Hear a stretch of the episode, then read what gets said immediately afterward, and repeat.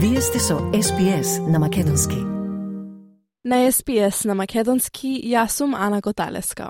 Бразил и Хрватска резервираа место во четврт финалето на светското првенство во Катар 2022 година. Повеќе во прилогот на Сунел Ауасти, што на Македонски го подготви колешката Радица Бојковска-Димитровска.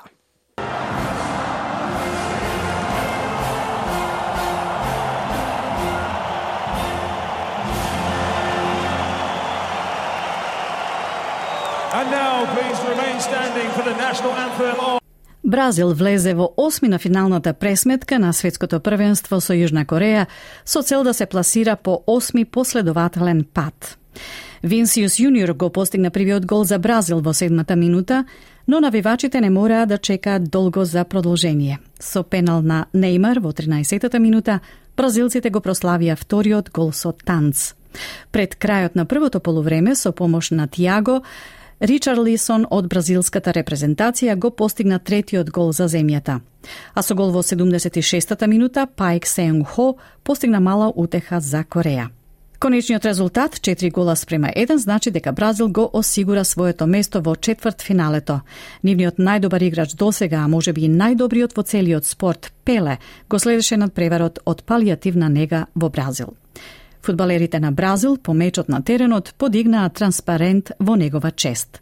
Селекторот на Јужна Кореја Паоло Бенто надпреварот го опиша како тежок. I think that our uh, our World Cup was uh, was good. We made uh, some things that uh, um, was made just uh, twice before. Uh, so was a, a very good World Cup. Предходно во текот на денот, победникот во групата Е, Јапонија, се соочи со второ пласираниот од групата Ф, Хрватска. Маеда го постигна првиот гол за Јапонија во 43-та минута. Иван Перишич го постигна голот за Хрватска со резултат од 1 спрема 1 на крајот на второто полувреме. Хрватска беше подобра од Јапонија во изведувањето пенали со конечен резултат од 3 спрема 1. Доминик Ливаковиќ одбрани три пенали и беше најзаслужен што Хрватска по трет пат се пласира во четврт финалето на Мондијалот.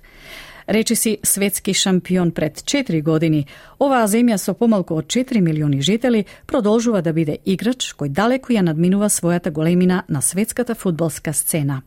Тие заработија четврт финале против бразилците, кое ќе се одржи во раните утренски часови во сабота. Никола Влашич вели дека очекувал пенали во одреден момент на светското првенство. I was expecting that uh, penalties will come, like not this game, but during the competition. So I was practice almost uh, every day on the training, but it's not it's not the same. You know, practice on the training. Maybe I will score 10 out of 10, but it's here it's different. You know, nerves, heart rate is big, or full stadium. You know, it's different feeling. But luckily, I scored a goal. But you know, when goalkeeper save three, you need to win the game. So today was uh, his day, and he helped us really well. За Јапонија надпреварот заврши со мешавина на разочарување и гордост. Ова е четвртиот мундијал на кој тие се пласираа во осми на финалето, но никогаш не постигнале повеќе. Јошида вели дека двете огромни победи на овој тим во групната фаза се огромна чест за репрезентацијата. Но тој вели дека не можат само да ја обвинат лошата среќа за нивната елиминација. We beat uh, Germany and Spain in the group stage, so we should be proud of ourselves. And of course, we couldn't achieve what we wanted to be. Uh, we wanted to, but uh, it's easy to say unlucky. But we have to analyze why and uh, moving on, moving forward to another four years. Stisnite, mi se dopađa, spodelajte, komentirajte. Sledite ja SPS na makedonski na Facebook.